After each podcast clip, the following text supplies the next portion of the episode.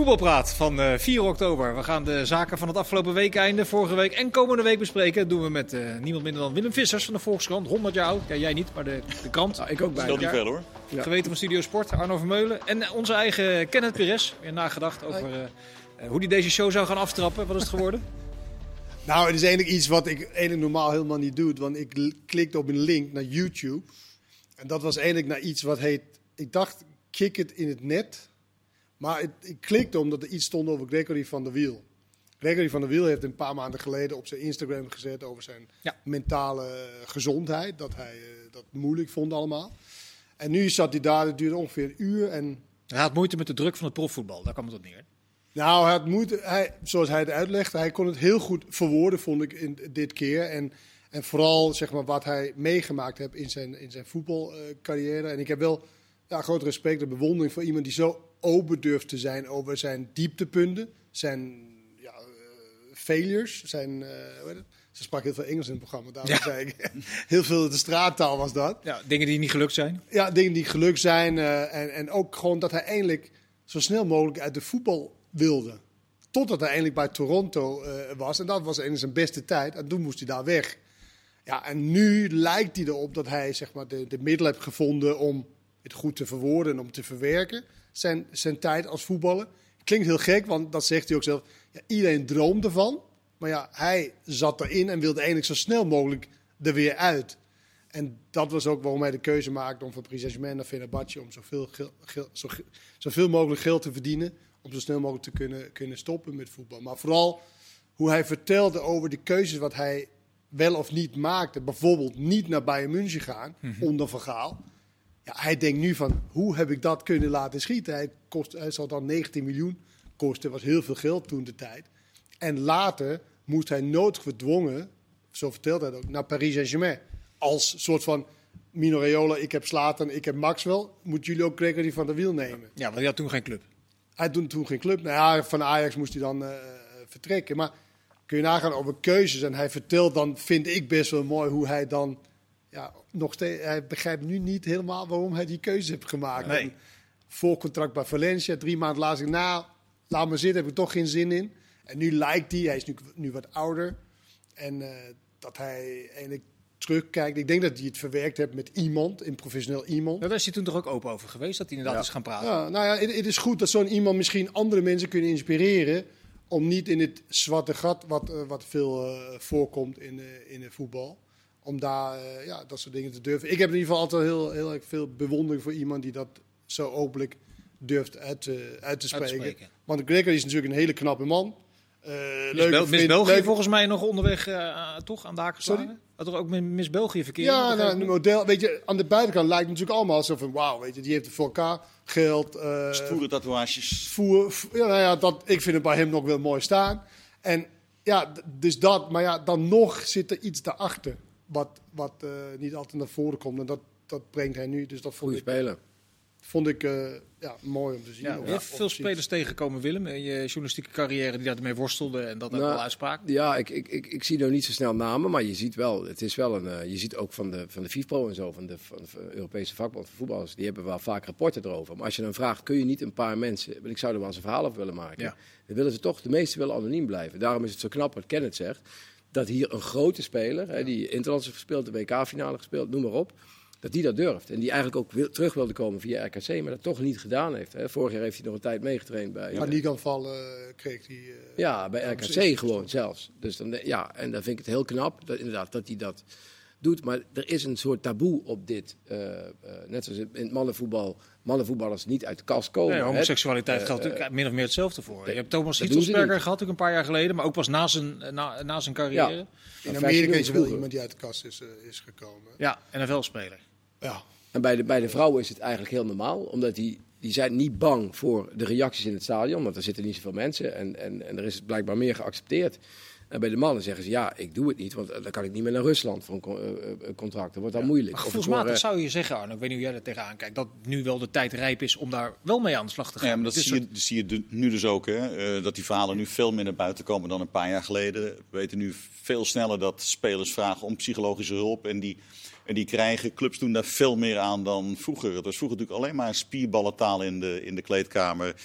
Wie heeft de grootste mond, wie, wie, durft het meeste. En dat, dat beeld verandert wel. spelers geven hun zwakke kant wat makkelijker toe, zonder het idee te hebben dat ze daarmee hun carrière enorm negatief beïnvloeden.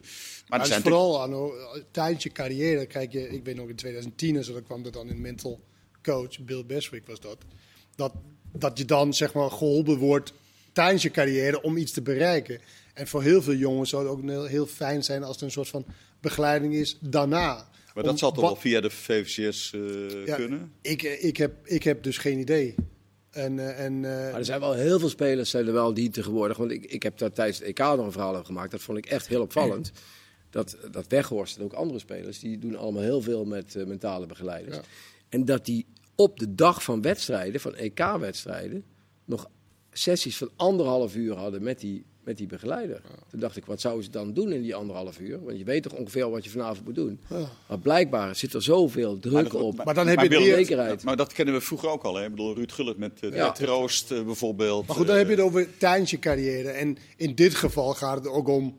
Tenminste, zoals we kregen van de Wiel is natuurlijk gestopt. Dus gaat ook om na zijn carrière. En we kennen natuurlijk allemaal het verhaal over, over het zwarte gat. Want eerlijk is eerlijk, ik ben natuurlijk ook een keer gestopt met voetballen. Het is het moeilijkste wat er is. Want het is de leukste wat er is. ik zie het anders dan Gregory van der Wiel. Zag het, zeker zag het een beetje tegenop dat voetballen. Ja. ja ik vond het leukste, leukste wat er is. En dan moet je een beetje geluk hebben dat je na je carrière iets gaat vinden wat, wat, je leuk vindt en waardoor je passie kwijt kan. werd je daarmee geholpen in de laatste jaren van je carrière? Is er, was er een route, is er een, een soort mentorachtig of een ja, wat heb je op de middelbare school? Heb je toch een decaan die je helpt van luisteren, die probeert die route is. Dat zou iets voor jou kunnen zijn, maar die begeleiding... Nee, nee die is er, dat is er volgens mij niet. Het is natuurlijk ook, wordt ook gezien, het zijn volwassen mensen. Wij zijn ongeveer 35 jaar als we stoppen, ongeveer.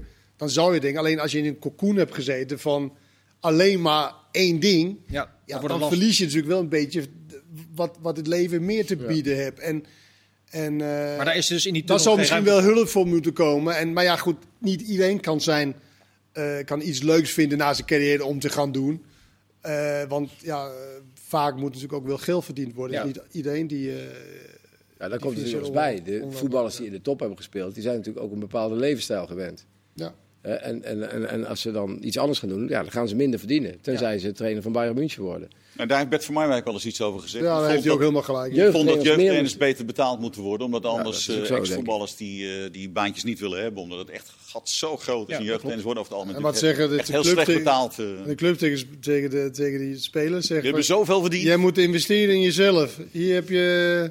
Ja, en dat kan niemand dan, zeg maar. ja, dan moet je wel inderdaad toch uh, aannemen als je die kant op uh, wil. Maar ik, ik ben het wel met Van Marwijk eens wat, hij, wat dat betreft. Ja, wat ook een aantal keren nu voorbij komt, ook in dit gesprek, is begeleiding vanuit clubs. Uh, dan is het bruggetje vrij snel gemaakt naar het, behoorlijk grote nieuws wat jullie gisteren hadden bij de NOS. Uit, uh, uit de podcast over matchfixing van de wedstrijd tussen Jong Roda en Jong RKC van twee jaar geleden.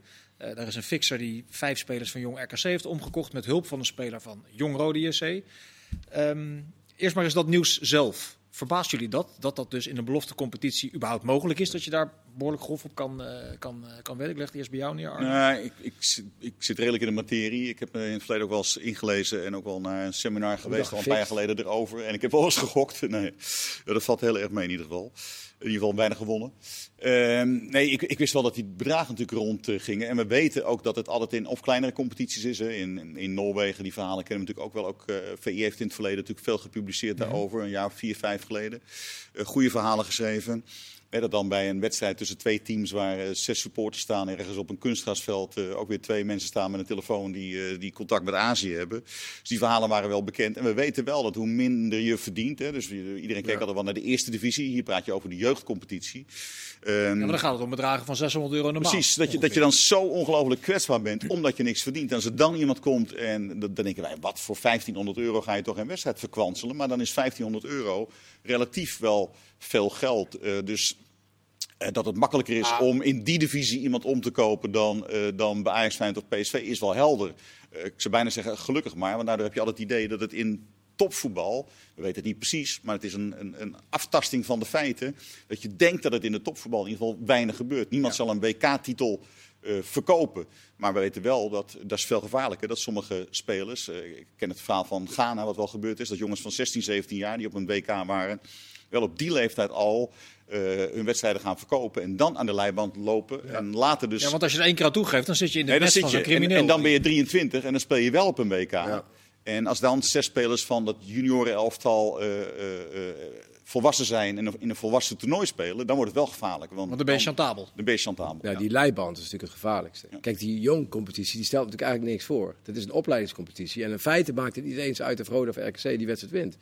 Maar als je inderdaad aan die leiband zit, ja, dan, dan wordt het gevaarlijk. En dan kom je in Moet je dan zulke wedstrijden überhaupt eh, beschikbaar stellen voor.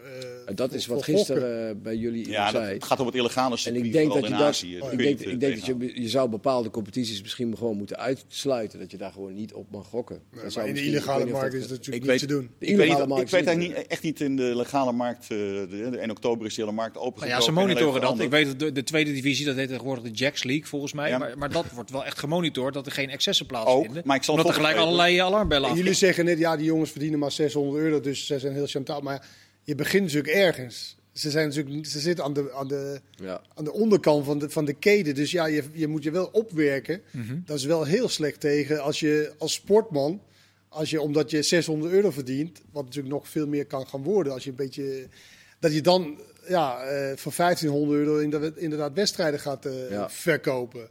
Dat is Ja, natuurlijk best, iemand- wel, best wel gek eerlijk Dat gezegd. is gek als je het beredeneert eh, achteraf, aan het einde van een carrière. Maar je moet het natuurlijk op het moment zelf worden. Ik bedoel, ik praat het niet goed. 18 Nee, maar je jaar. weet, ja, maar 18 je, jaar, ja, je maar je hebt- weet, ja, maar dan is het toch, dan is het toch oké als je, want ik neem aan dat je geen fullprof bent voor 600 euro. Dan kan je ook daarnaast nog wat gaan werken. Nou ja, dan doen ze misschien nog een, eh, een, een, een kleine opleiding Nou, maar ja, doen dat is toch geld Vaak wat- zijn die jongens trainers wel als prof, alleen ze verdienen heel weinig geld. Kijk, de eerste divisie was toen ook die verhalen waar we het net over hadden, met die Chinezen op de tribunes en zo. Dat gebeurde toen ook in de eerste divisie. Nou, dan ging je die beelden heel goed bekijken en dan dacht je, dacht je nog van, eh, eh, nou, het lijkt wel inderdaad allemaal omgekocht. Zo, ra zo rare blunders. Maar eh, zou waren dat in, in kleinere sporten natuurlijk nog meer Ja, roeien. Dat ook- dingen. Die Ja, werken maar dat, dat was ook tien keer harder dan, dan voetballers en die verdienen helemaal niks. Maar tennis bijvoorbeeld is een heel erg makkelijk te Ja, beïnvloeden dat sport. Maar er ja. zijn, er zijn, als jij de nummer eh, 40 van Nederland bent, dan ben je in, op de wereldranglijst ben je misschien de nummer eh, 4000 of zo. Weet ik Maar het moet wel de eerste keer dat je dat toegeeft, moet wel pijnlijk zijn. Als je sportman bent, maar je, je bent natuurlijk sportman, hoe je het bent of keert, of verdien je 600 of je verdient 6 miljoen. Je bent sportman. Maar de eerste keer dat je toegeeft van, ja fuck it, doe maar. Geef maar 1500 en ik verkoop de wedstrijd. Maar ken het, dat moet wel een moeilijk moment zijn. ken het maar, ja, maar, maar eh, welkom in de 18-jarigen doen, doen wel regelmatig dat soort dingen. Sorry? Ik- 18-jarigen, ik bedoel, laat ik voor mezelf spreken, die doen wel regelmatig dingen waarvan je achteraf zegt, was dat nou wel zo handig? Ja, oké, dat, dat, dat begrijp ik. Maar ja, ik heb het meer over vanuit een, een, ja, een, een, een sportmans ja, oogpunt. En dat ben je ook, ook ben je 18. En je zit in een soort van, ja, je zit bij een, een BVO. Nou, dan weet je toch ongeveer dat, dat, dat de kans oké is dat je misschien wel profvoetbal kan worden. Dan vind ik het nog een stap om te zeggen, ja, Maar Kenneth, het, gaat nog, het 1500. gaat nog slinkser. Ik ken het verhaal nog uit Duitsland, eh, eh, uit, eh, uit een van de boeken. Waar ze eerst jonge voetballers verleiden om naar het casino te gaan. Eh, daar een, een korting kunnen krijgen in het begin. Eh, die gaan wat gokken, die, eh, die verliezen wat geld, die verliezen wat meer geld. En op een gegeven moment hebben ze 15.000 euro schuld bij het casino. En dan komt er iemand die zegt, dat ga ik voor je oplossen. Jij speelt daar in het jeugdteam van RKC of van Rode JC. Oké, nou misschien kun je ons helpen als je drie vrienden kan vinden. En dan kunnen ze daarmee weer die schuld aflossen. Dan hebben ze alweer een schuld opgebouwd omdat ze zich hebben laten dat verleiden. is dan weer een om- Het is, ander het is dus heel, het is heel slinks is het. Slinks. Ik kan me gewoon niet anders voorstellen als ik voor mezelf. De enige waarom ik het ooit zou doen misschien is als ze zeggen, nou, we pakken je kinderen als je dit niet doet. Ja. Maar Ja, voor maar- geld, Ken het, de, ze hebben met de beste voetballer aller tijden, met Maradona hebben ze het ook gedaan in, in, in Napels. Die hebben ze ook gewoon langzaam in dat maffiacircuit getrokken. Met gokken, met vrouwen. Met, Maar goed, maar, maar, op een gegeven moment, maar, maar op een Willem, niet bent er zelf bij, hè? Ja, je kan ook nee zeggen. Je Tuurlijk. kan ook zeggen, nou, laat die cocaïne maar zitten. kunt er alles laat. Nee, ik ga niet naar een casino voor, voor geleen geld. Ja. Je kan ook zelf nadenken. Je bent er zelf bij. Ja. En laat ons maar zeggen, ja, we zijn maar 18. Maar ik ken genoeg 18-jarigen die ook wel kunnen Zeker. nadenken. Niet iedereen over één eh, kan Nee. scheren, dat is waar. De, de vraag die nu wel op tafel ligt, de KNVB heeft gezegd, ja, eh, de informatie is bij ons bekend. We hebben ernaar gekeken, we hebben met de politie overleg, maar er is geen zaak rond te krijgen. Eh, is dit een oplosbaar probleem eigenlijk, als je weet dat er zoveel geld in, in omgaat en dat het zo lastig te monitoren is? Tot nu toe zijn er eigenlijk nog geen oplossingen. Hè? Ik bedoel, eh, we kennen Kargbo, eh, Willem II, die, eh, die, die zaak. het heeft daar ook weinig opgelost. Het, is echt knap ingewikkeld. En, en wij hebben totaal geen vat op die gokwereld buiten de legale wereld. Wat er in allemaal in Azië gebeurt. Want iedereen was inderdaad stom verbaasd over die bedragen die er ook op die wedstrijden wordt gezet. Terwijl het eigenlijk wel al een aantal jaren bekend is. Maar daar schrik je toch weer van als je dat, als je dat hoort. Het, het is heel lastig. Deze jongens bekennen ook over het algemeen niet. Hè? Want de spelers die, waar nu over gesproken wordt, die van RKC, die ontkennen ontkennen, weer. ontkennen ook Ja. dat, ze het, eh, dat ze het gedaan hebben. En om dan het bewijs rond te krijgen is, eh, is super lastig. Dus, eh, is wel schadelijk. Het is een van de grootste gevaren, voor, dat is al vaker gezegd, maar het is echt een van de grootste gevaren voor het voetbal. Omdat je er dus geen grip op kan krijgen en omdat je het niet kan, kan ontmantelen bijna. Het enige wat je, kunt, wat je echt kunt doen is, is eh, heel zwaar geschut van justitie. En wat ze ook in het wielrennen gedaan hebben. Journalisten die kunnen dingen uitzoeken. Maar de- zolang Lance Armstrong ontkent dat hij eh, doping gebruikt, is het heel lastig. Ja. Maar als er gauw de justitie komt en die zegt, ja juist al jongen, je staat onder Ede en eh, ga geen gekke dingen doen. Kijk, wij hebben ook twee verslaggevers gehad. Die zijn jarenlang zijn ze naar Singapore, weet ik veel wat geweest, om verhalen over matchfixing rond te krijgen. Nou, toen kwamen ze met dat verhaal van Carbo. Ja, dat was wel een goed verhaal, maar er was maar één speler. Ja. En die ook nog bleef ontkennen. Dus als justitie daar niet op gaat zitten. En nu zegt de KVB ook, ja, justitie moet het eigenlijk maar doen. Maar justitie heeft eigenlijk wel wat anders te doen.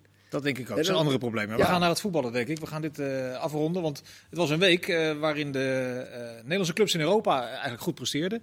En waarin er een soort extra weerbaarheid ineens in de speelronde zichtbaar was. Bij Utrecht, bij Vitesse, maar toch ook bij Sparta tegen PSV. Wil ik even een stelling op tafel leggen voor jullie alle drie. Schiet er maar op. De Eredivisie is in zijn geheel sterker dan vijf jaar geleden. Willem. Nee. Waarom niet? Nou ja, ik kijk dan... Ik Kijk, heel lang nadenken. Ja, nou ja, ik, ik- misschien... Ja, zeg- maar dat kan toch niet anders? Dus, kijk, Maar goed, Europees voetbal is wel, wat Vergaal ook zei, je speelt ook een beetje tegen Jutte Jol, die Conference League. Hè? Dat- Ja, nee, nee, maar ik heb dat- het meer over... Niet alles wat Ajax- Louis zegt is gelijk. Ajax vijf jaar geleden speelde niet de pannen van het dak in de Champions Nou, League. ik zat Dat is even, nou, vier- volgens mij is vier, het drie jaar geleden. Vier jaar Ja, dat is dus geen vijf. Ja, nee, oké. Ik zat- Je wordt gered op één dat was jaar. wel de eerste gedachte die ik had aan dat elftal. Dan vind ik ze nu goed, maar eh eh het moet nog maar blijken of dit elftal net zo goed is als is dan in dit geval drie jaar geleden, eigenlijk bijna vier, de, als dit seizoen is afgelopen. Dus daar dacht ik eigenlijk aan, dat elftal. Maar voor de rest, ja, in de breedte misschien wel. Maar dat kan ook zijn omdat de top iets minder is. Dan wordt het in de breedte misschien sterker. Ja, maar ik, maar- afgelopen week zat ik te kijken naar Feyenoord. Is, ik, ik, stap, toch heb ik zo'n zo'n gevoel, die trekken het toch over de streep tegen het Slavia. ja, vandaag. dat is waar. Eh, dat was misschien een paar jaar geleden. Zijn tij- speelde een draak zijn van de tijden- tegen Jablonec. Winnen hem wel met 1-0. Dat zijn tijden Er zijn geweest. tijden dat Slavia Praag in eh, niet te, te kloppen ploeg was voor Nederlandse Ja. ploegen. Dus dat, dat, dat klopt wel. En eh, ja, Jut en Jul eh, competitie, Conference League is niet helemaal Nee, waar vind ik ook niet natuurlijk, helemaal Dat was een beetje, een flauwe opmerking toch van Louis van Gaal? Dat was vanmiddag een van de opmerkingen, een van de opmerkingen die niet klopte in die Ja, daar gaan we zo nog uitgebreid over, over praten. Nee, het is geen Jutte competitie, maar het is natuurlijk wel zwakker dan de Europa League. Dus wij, wij hebben er wel baat bij. We Zeker. mopperen altijd enorm op alles wat er bij de UEFA en de FIFA gebeurt. Daar hebben we jarenlang zeer recht toe gehad. Eh langzamerhand zijn er ook echt wel ontwikkelingen die wat positiever zijn. Dit is natuurlijk niet speciaal voor ons ontworpen, maar het komt wel goed uit. Lijkt, lijkt er wel op. Maar we hebben er wel. we Maar er wel verschil zit er toch ook niet tussen die Conference League en Europa League. Het is gewoon zit, opgeknapt, zit- ja, maar, dat, maar, je ziet er ook die wedstrijden, die, dat is ook allemaal net op het kantje aan. Hè. Eh, Vitesse verliest net, AZ wint net, Feyenoord wint net. Dus het is allemaal maar, maar net aan.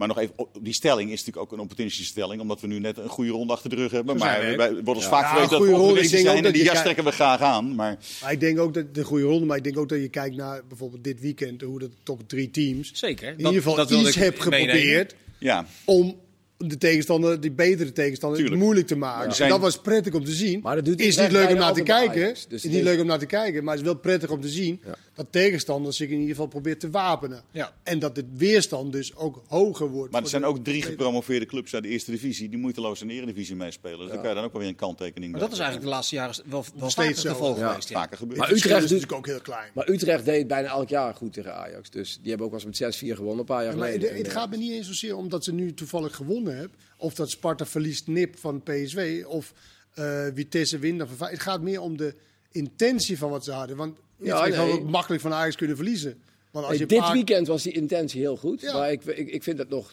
Nee, te vroeg eigenlijk. nee, om- dat, dat, dat snap ik. Want twee Maar- weken geleden eh, ging Cambuur... Maar Maar ja, Kenneth, Utrecht, Utrecht, dat ze willen mij ook wel. Utrecht speelt altijd wel met die intentie tegen, tegen Ajax. Want dat is de belangrijkste wedstrijd van het, van het seizoen. Maar dat is ook zo, weet je wel. Dat betekent niet altijd dat ze punten halen. Maar doorsnee doen ze het goed. Ze zijn echt de angstgekner voor Ajax.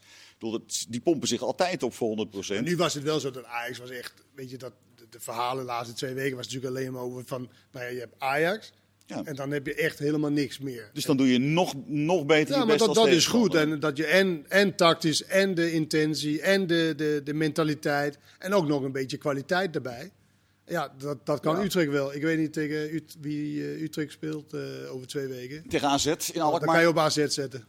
Het algemeen is dat zo. wat jij zegt, eh, een paar weken daarvoor, was een week geleden tegen RKC. Ja. Dat, dat, dat, dat hield dan toch ook weer niet over. Nee, Dus- maar ze staan wel tweede. Dus laten we wel zeggen, Utrecht heeft een uitstekende start. Utrecht heeft een goed elftal. Utrecht heeft een trainer waarvan je echt op dit moment kan zeggen dat werkt met deze spelersgroep. Die haalt er echt ook maximaal uit. is dat een laadbloeier eigenlijk als trainer? Haken? Nou ja, Haken hebben wij, eh, heb ik nooit gezien als een, een, een potentiële eh, toptrainer. Eh, Lag dus dat aan zijn presentatie of aan zijn inhoudelijke keuzes? eh? Hij presenteerde zich niet heel handig. Eh, we hebben hem even bij Twente gezien, waar hij eh, eigenlijk niet, helemaal niet zo slecht presteerde. Maar toch van bijna niemand, ook niet volgens mij in Enschede zelf, echt het, het respect kreeg.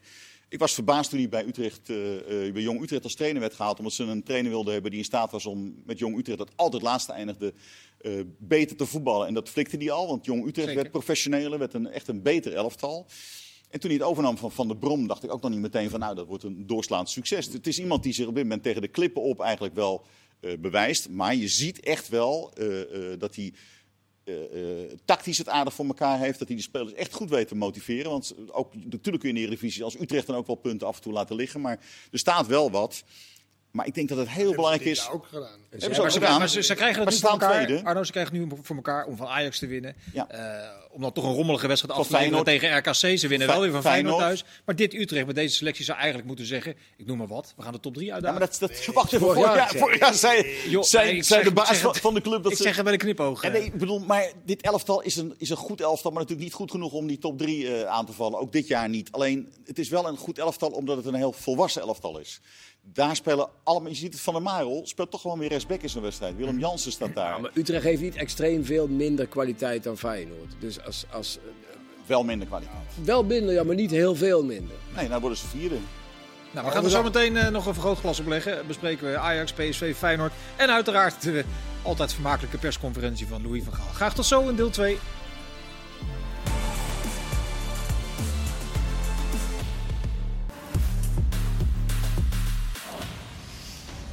Deel 2 van Voetbalpraat waren blijven hangen bij eh, Ajax tegen Utrecht. Utrecht eh, besproken. Die zouden de top 3 misschien wel moeten uitdagen. Wat was er bij Ajax eh, niet goed gegaan allemaal? Willem in die wedstrijd, je was erbij. Ja, ze zeggen zelf dan iets te weinig passie. Dat, dat vind ik altijd een beetje. ik denk Utrecht het ook gewoon heel goed voor elkaar had. Beetje bijna elk jaar. Het was vorig jaar was het 5-4 voor de beker. Het was Utrecht had hem ook kunnen winnen. En, en de competitie was het 1-1. Dus Utrecht kan op een of andere manier altijd goed spelen tegen Ajax. En Ajax had natuurlijk ook gewoon kunnen winnen. Ik bedoel, ja, Denk je niet dat David Klaas het wel goed zei na de wedstrijd? die heb ik Heb niet gehoord. gehoord? Nee, was- David Klaas zei echt van ja, Utrecht heeft gewoon uitstekend gedaan. Ja, Ze die hebben het heel moeilijk gemaakt. En ze hebben ook ten tijde hebben ze ook gewoon goed gevoetbald. Dus dat je hem niet gelijk terugkreeg. Dat ze gewoon heel moeilijk maakten en dat ze heel gegroepeerd eh, stonden. Zonder al te vies te zijn. Maar jij zei net, ze hebben Acht overtredingen. overtredingen. Ja. Heel veel slidings, maar wel gelukte, eh, gelukte slidings. Ja, dan, dan heeft ook Ajax het, moeilijk onder al die wisselmogelijkheden die ze hebben met kwaliteit nog inbrengen. Ja, dan wordt het toch eh, op het laatst wordt toch gehaast, gehaast, gehaast. Ja.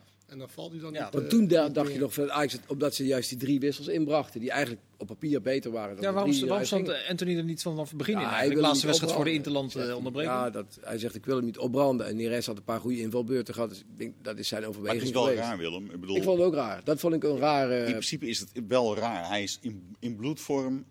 En je speelt wel thuis tegen Utrecht. eh, en, Ja. en ja, er zijn echt wel wedstrijden. En Neres is gewoon op dit moment echt wel minder. eh, en Ja, die Anthony gaat er ook bij de Braziliaanse ploeg Ja. drie wedstrijden 90 minuten spelen.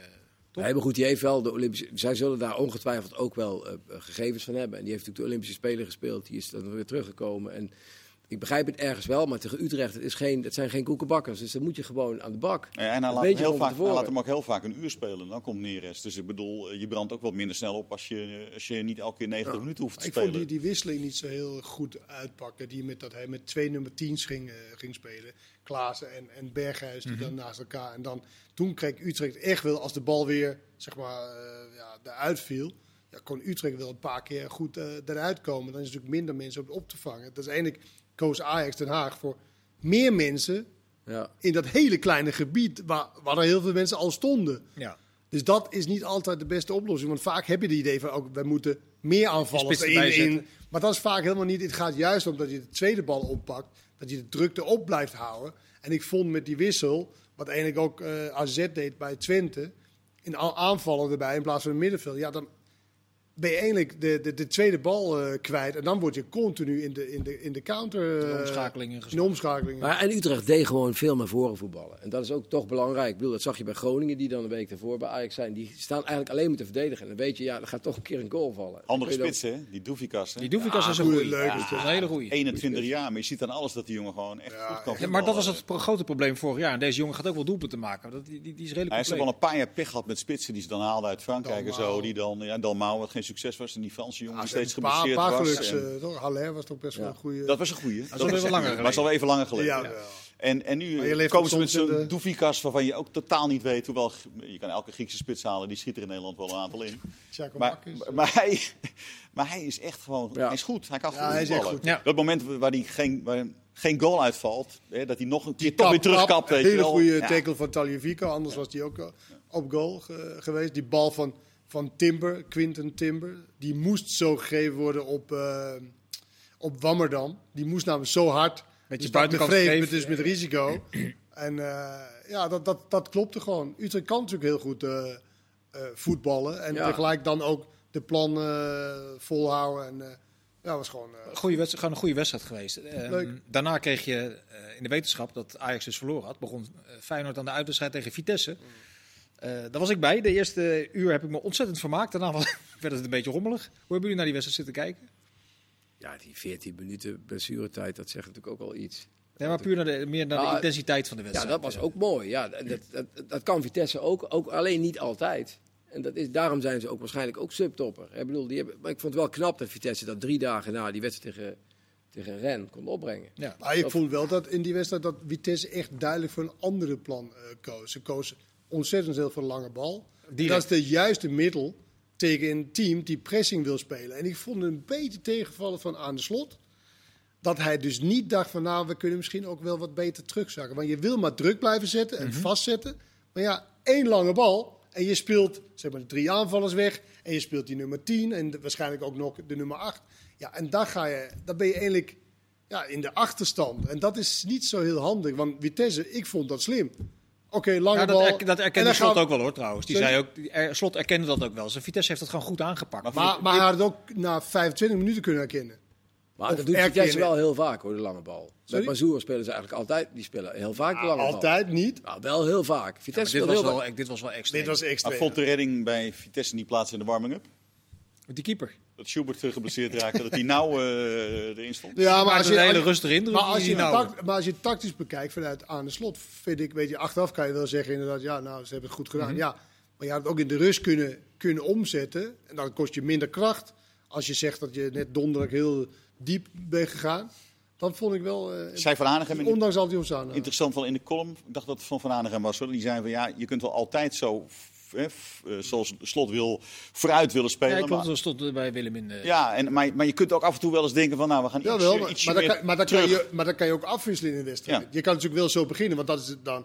Want in het begin van, eh, van, een, eh, van een nieuw team. Maar wacht even. Vorig jaar was de discussie altijd...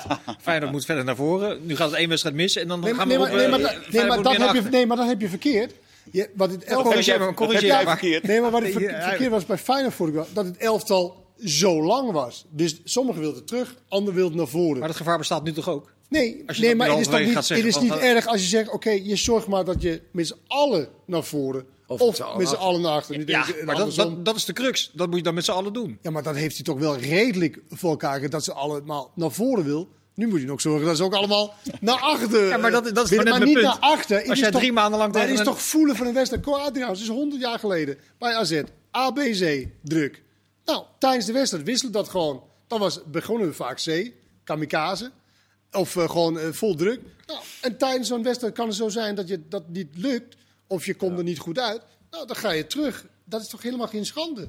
Ik zeg ook niet dat het een schande is. Co deed het nog anders, bij- ooit bij Willem II. Was dat niet met Schenning? Dat hij dan eh, met de centrale verdediger, en nee, die echte. Dat deden we ook bij die Opdam. Een Ja? superpressie heet dat. Maar die, die begon in de spits. Ja, ja, ja. Co, in 10 Dat minuten. En, uh, en dan dus die, gro die grote blonde, rossige jongen. Ja, en dan haalde hij hem naar achteren, gewoon op zijn eigen plek. Maar dan begon hij wel een 10 minuten of een kwartier begon hij met de centrale nee, Maar waar ik even naartoe wil is, dat het is geen... Je, tijdens de wedstrijd is niet heel ongewoon om ook te kijken van... Nee, oké, van tactiek even wat ja, dat is toch niet heel ongewoon? Nee, dat, eh, op zich is dat niet ongewoon. En ik snap ook als je 2,5 maand met een elftal bezig bent om die naar voren te krijgen, om naar voren te laten voetballen.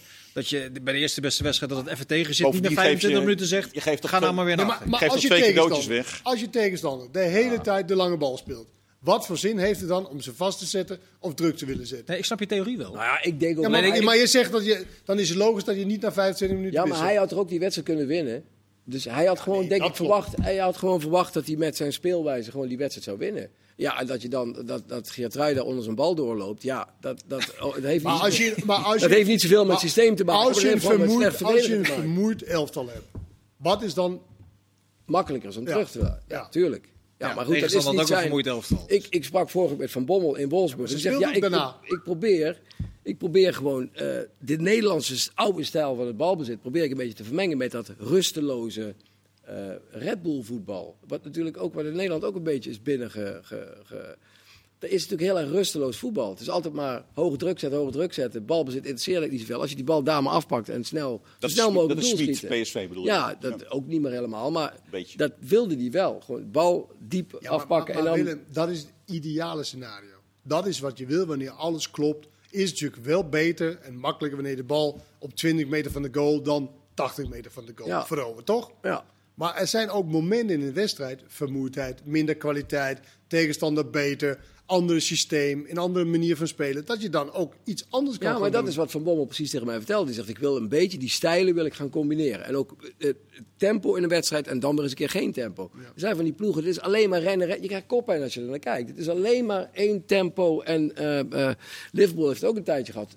In het begin van Klopp, dat ze alleen maar die hoge druk zetten. Vrij zou succesvol mee. Ik, ja, nee, maar in Eerste het, begin, in het niet. begin niet. Hè. Het heeft hij een beetje aangepast. Hij is, eh, ik zei ook wel eens tegen die Leinders heb ik wel eens gezegd, ja, maar Ja, ik ze hebben Van krijg Dijk gekocht. koppijn. Die Heb je hem ook- opge... Leiders, even Nee, ik heb eh, een tijdje daar geweest, een, een dag. Ik zeg, eh, ik krijg er koppijn van. Ja, dat snap ik wel. Maar we moeten ook misschien wel iets meer terug. En dan laten we wat zakken. Ja, dat is voetbal. Voetbal is ritme, muziek, noem maar Maar op. wat, wat, wat, pijnlijk is voor Feyenoord natuurlijk is, de lofzang is natuurlijk het continu op. alleen die twee wedstrijden die, daar- die ja, tegen wat stevige tegenstand, die zijn verloren.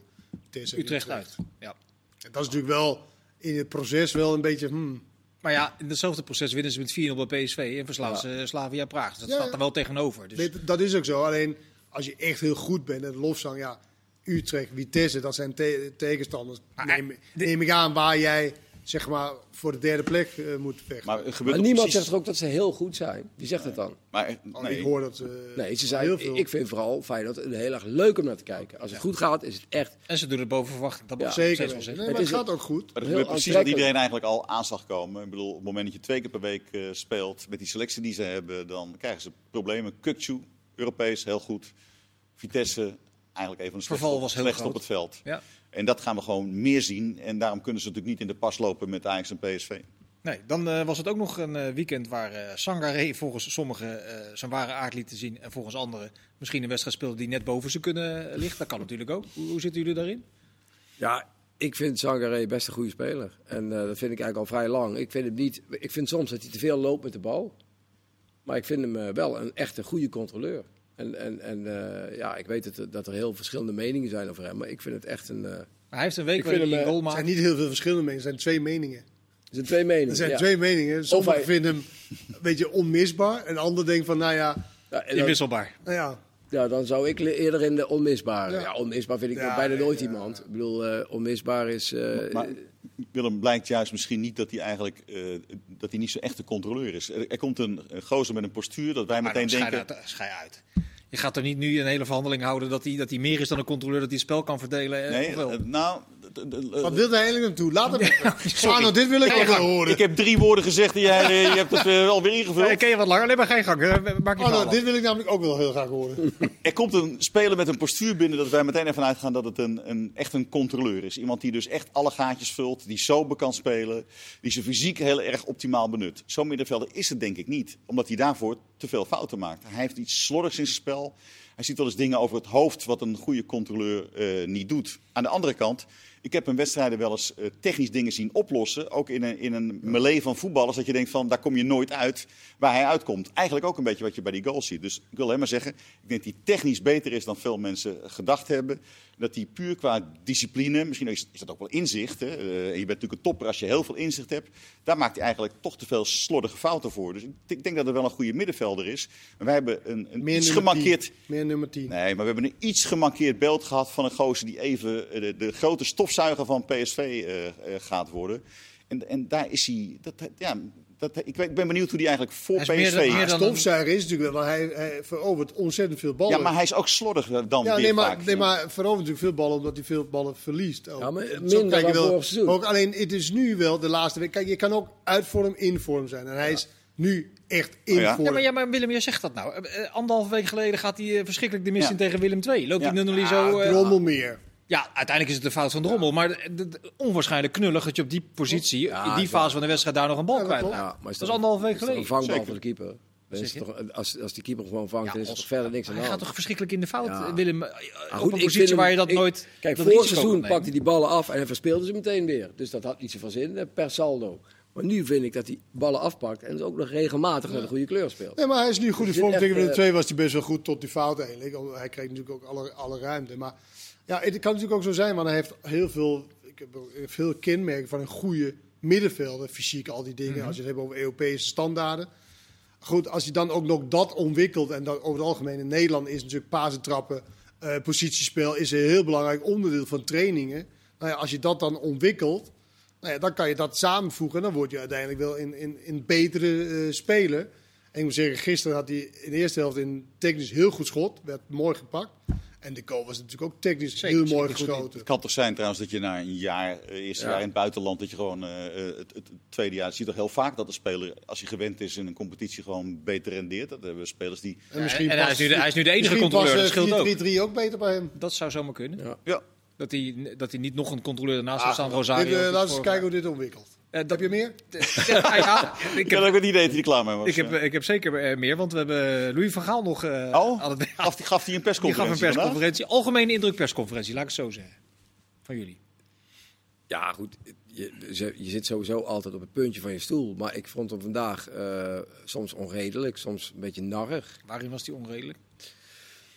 Nou ja, ik, ik- ik vind bijvoorbeeld over eh eh, Danjuma, ja, dit, dat, dat zegt hij gewoon, ja, die heeft nou vier wedstrijden goed gespeeld. Maar ik heb hem nog gevraagd naar Mark Vlekken, die, die, dan, eh, die dan opeens is komen bovendrijven. Ze doen net alsof zij die ontdekt hebben, als een soort Livingstone-achtige eh, ontdekkingsreis. Die speelt al acht jaar Bundesliga, geloof ik. die, die, Ja, nou, maar niet zoveel wedstrijden. Hij was, hij was 20 21, wedstrijden 21 wedstrijden in de Bundesliga En- gespeeld. ja, en, en dit seizoen pas. zijn Toen hij, toen hij, toen hij opgeroepen werd, had hij vier, vijf wedstrijden gespeeld. Dus eh, ja, kijk, als dan Juma dan eh, alle doelpunten van Villarreal ongeveer maakt, of voorbereidt op het hoogste niveau, en Vlekken dan met alle respect bij Sportclub Freiburg eh, gewoon wel zijn doel schoonhoudt, want ze krijgen bijna geen doelpunt tegen, Mhm.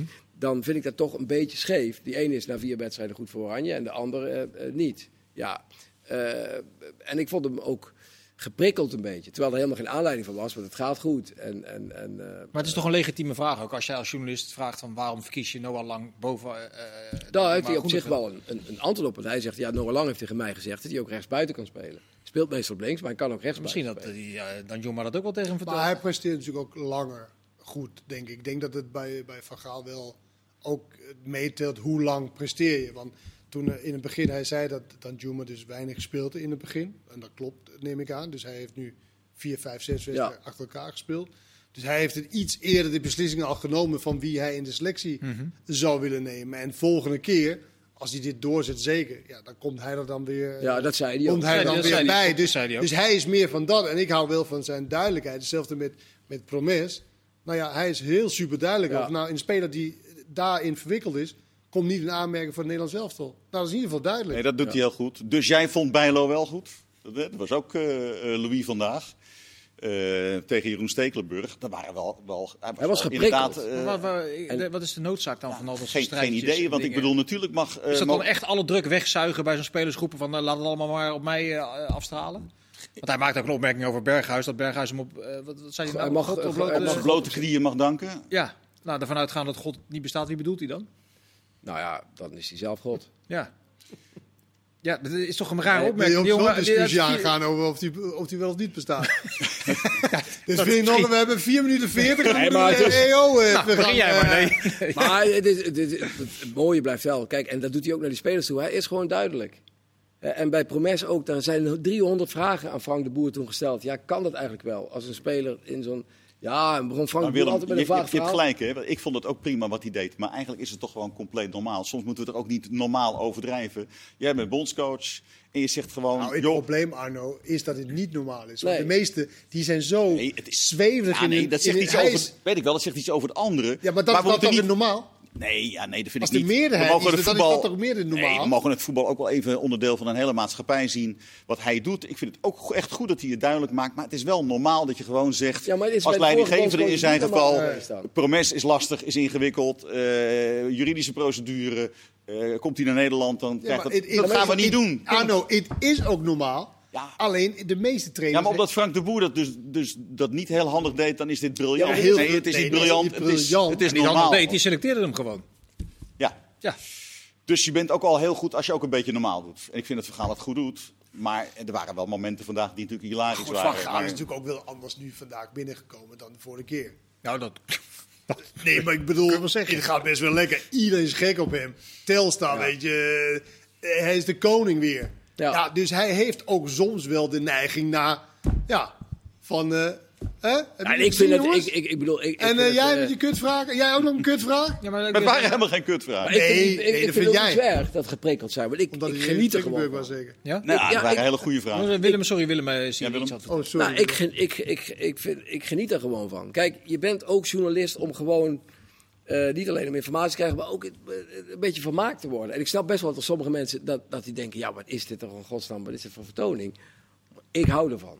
Een beetje vermaakt te worden. Je stelt toch gewoon een open vraag en dan is het toch Ja, maar ik vind, dat hij geeft toch bijna op elke vraag, elke vraag geeft hij gewoon een antwoord. En, en, en soms is het wel oké, dan over de paai bijvoorbeeld, over die tegeltjeswijsheid van eh de paai had gezegd, ik ben hier drie weken geleden vrolijk of gelukkig weggegaan en ik ben nu ook weer gelukkig teruggekomen. Ja, dan gaat Valentijn Driessen natuurlijk zeggen van, dan, dan eh, is hij dus bij Barcelona niet gelukkig. Ja, zijn verhaal, maar dat dat, dat- moet jij zelf weten als dat, je... zei dat- dat zei Valentijn niet eens. Dat zei hij niet. Op, Nou, Volgens mij zei hij dat niet. Neer. Daar kwam het wel Maar- een beetje neer. Maar daar is hij niet helemaal. Dat suggereert hij wel een beetje natuurlijk. Van ja, dan is hij natuurlijk bij Barcelona niet gelukkig.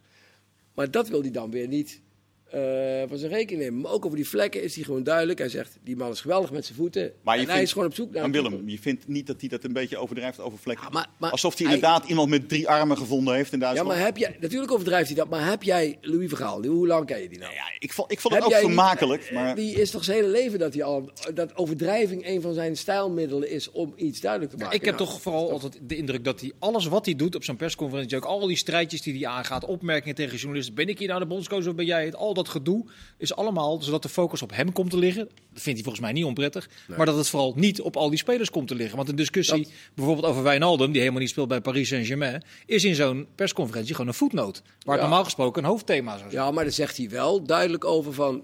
Wijnaldum is een speler die dat kan. Daar heb ik alle vertrouwen in dat hij... Kijk, de ene speler kan, heeft eh, eh, meer ritme nodig dan de ander. En hij zegt, van Wijnaldum ben ik ervan overtuigd dat ik die gewoon kan opstellen. Het is wel dat anders gewoon... dan wat hij normaal deed. Was, normaal was echt iedereen Ja. over één kam eh Ja, maar Dat, dat was gewoon een soort van duidelijkheid van... Als je niet speelt, hoe lang, dat weet ik niet. Dat doet hij al lang nu, niet meer, hoor. is Nee. nu twee, drie weken aan de gang. tijd- Toch? Oh, Heeft hij ook uitgelegd. Dat doet, hij, dat doet hij al lang niet meer. Hij zegt nu gewoon, oké, ik heb die speler gewoon nodig, want die kan op die positie Als jij, brengen. als jij naar Letland gaat en, en Wijnaldum speelt een paar weken niet bij PSG, dan zou toch geen enkele bondscoach daar een, een groot punt van maken. Ook dat is wel weer redelijk normaal dat je dan natuurlijk zegt van ja, maar dat zo'n goede voetballer. Als het maar normaal is, dan Ja. is Arno blij. Ja, nee, ja, nee maar ik bedoel, Zo'n ook dat, normale ook man, dat gaan we, kijk nou. dat- ook dat gaan we Ja, nu met weer dat als heel jasje. bijzonder, bijzonder zien. Als jij bondscoach was, dan zou jij gezegd hebben, ach kom op, ik bedoel, eh, hij speelt een paar keer niet bij PSG, maar Ik had niks aan de ongeveer hand. alles wat Van Gaal had gezegd, Had jij ook had ik gezegd, ook hè? gezegd. ja. Ja. ook over vlekken. Waarschijnlijk wel. Ja, typische Kenneth Perez keeper had jij gezegd. eh. Ja, Ja. ik heb een dodgy keeper. Nee. maar goed, het is Letland. Maar hij en, eh, spreekt alleen, en dan moet ik als Limburger toch zeggen, hij spreekt wel te slecht Nederlands. Volgens Van Gaal, want ik kan hem niet verstaan. Dus dat wordt nog een probleem. Je had het al over protestmarsen in Maastricht. Ja. Dat, eh, dat ze de Limburgers eh, boos zijn. Mijn schoonfamilie trouwens ook. We hebben bijna nooit een Limburg in. Oranje, toch? We hebben er een keer vijf gehad in één keer. Wanneer was dat? Waterreus, Zende, Van Bommel, Hofland Riksen. en Riksen. Heel Als je ze ook nog kan opnoemen, zo, dan heb je het Had over voorbereid. nagedacht. Dan heb je het voorbereid. Dag, tot ziens.